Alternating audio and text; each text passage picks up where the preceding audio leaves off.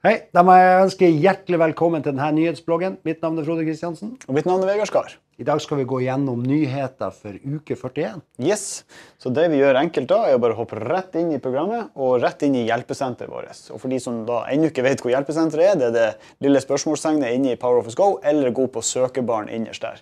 Som dere finner, bare for å vise det kjapt, inn i programmet, søkefeltet her oppe. Kan dere bruke det? Det var en liten digresjon, men også litt pedagogisk. Så da går vi her på nyheter i Go. Der er nyheter, og Vi starta der med lønn. og Der har vi da fått eh, for lønnskjøringstypen halv skatt er det nå mulig å beregne full skatt for ansatte som ønsker det. Hva er det for noe? Nei, I disse dager, så vi nærmer oss jul, så er det jo at uh, veldig mange har halv skatt.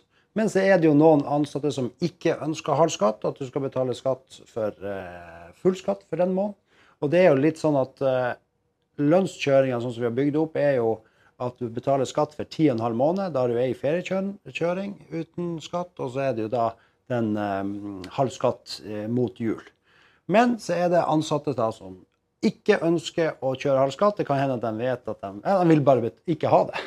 Så Da har vi laga muligheten for det mens du kjører lønna. Jeg tror kanskje vi åpner opp i lønn, og så ser vi hvordan den blir seende ut. Det gjør vi. Da hopper vi på vår eminente blogggutter, og her under meny og lønn. Og For å få det her opp, så må du jo for det første starte med en ny lønn. Mm. Og her kan du velge da hvilken type. Hvilken type velger du her? Da ser du, Det er jo naturlig at dette er ei halvskattlønn, og da skal du kjøre halv skatt for alle sammen. Og det som skjer nå, det er jo at hvis det skulle være eh, noen som da La oss si at han, eh, Anthony han vil ikke ha halv skatt på denne lønna, så du velger han, så har det kommet opp ned. Beregn full skatt på disse lønnslinjene. Og da får han full skatt.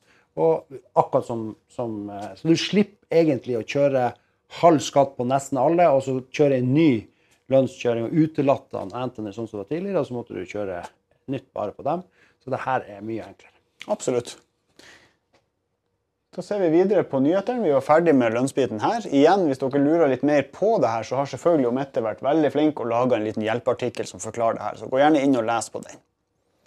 Vi går ned og ser, vi har sett noe her på regnskap. Der er gjort generelle forbedringer. Det at KID er nå gjort søkbar som frisøk i leverandør- og kundereskonto. Det betyr at når du er inne her på meny og eh, rapporter, så kan du her gå i f.eks. kundereskonto, og kan da søke her oppe på selve KID-nummeret for å gjøre det enklere å finne det. Det var ikke mulig før. Videre så har vi da gjort at det er retta eh, litt treg ytelse ved aktivering, deaktivering av MVA-koder. Eh, det er retta en fokusfeil ved søk etter et kontronummer i bilagsføring og under oppsett innstillinger. Og så er det da retta en feil i rapport for MVA-spesifikasjon, der beregnet MVA for kode 12 og 32 ikke fremkom i spesifikasjonen. Så rene generelle forbedringer, men viktig de òg. Jo, og det er litt viktig at vi har med forbedringen for de som har opplevd at det har vært noe feil. Så nå mm. kan vi vise til at dette er løst. For dere andre vil jo, som ikke har merka det her, de vil jo ja, ikke trenge å ta, ta, stilling til det i hele tatt. Så at, uh, det er derfor vi har det med. Ja. Og det var egentlig nyhetene i uke 41. Ja. Tjudelu. Tjudelu.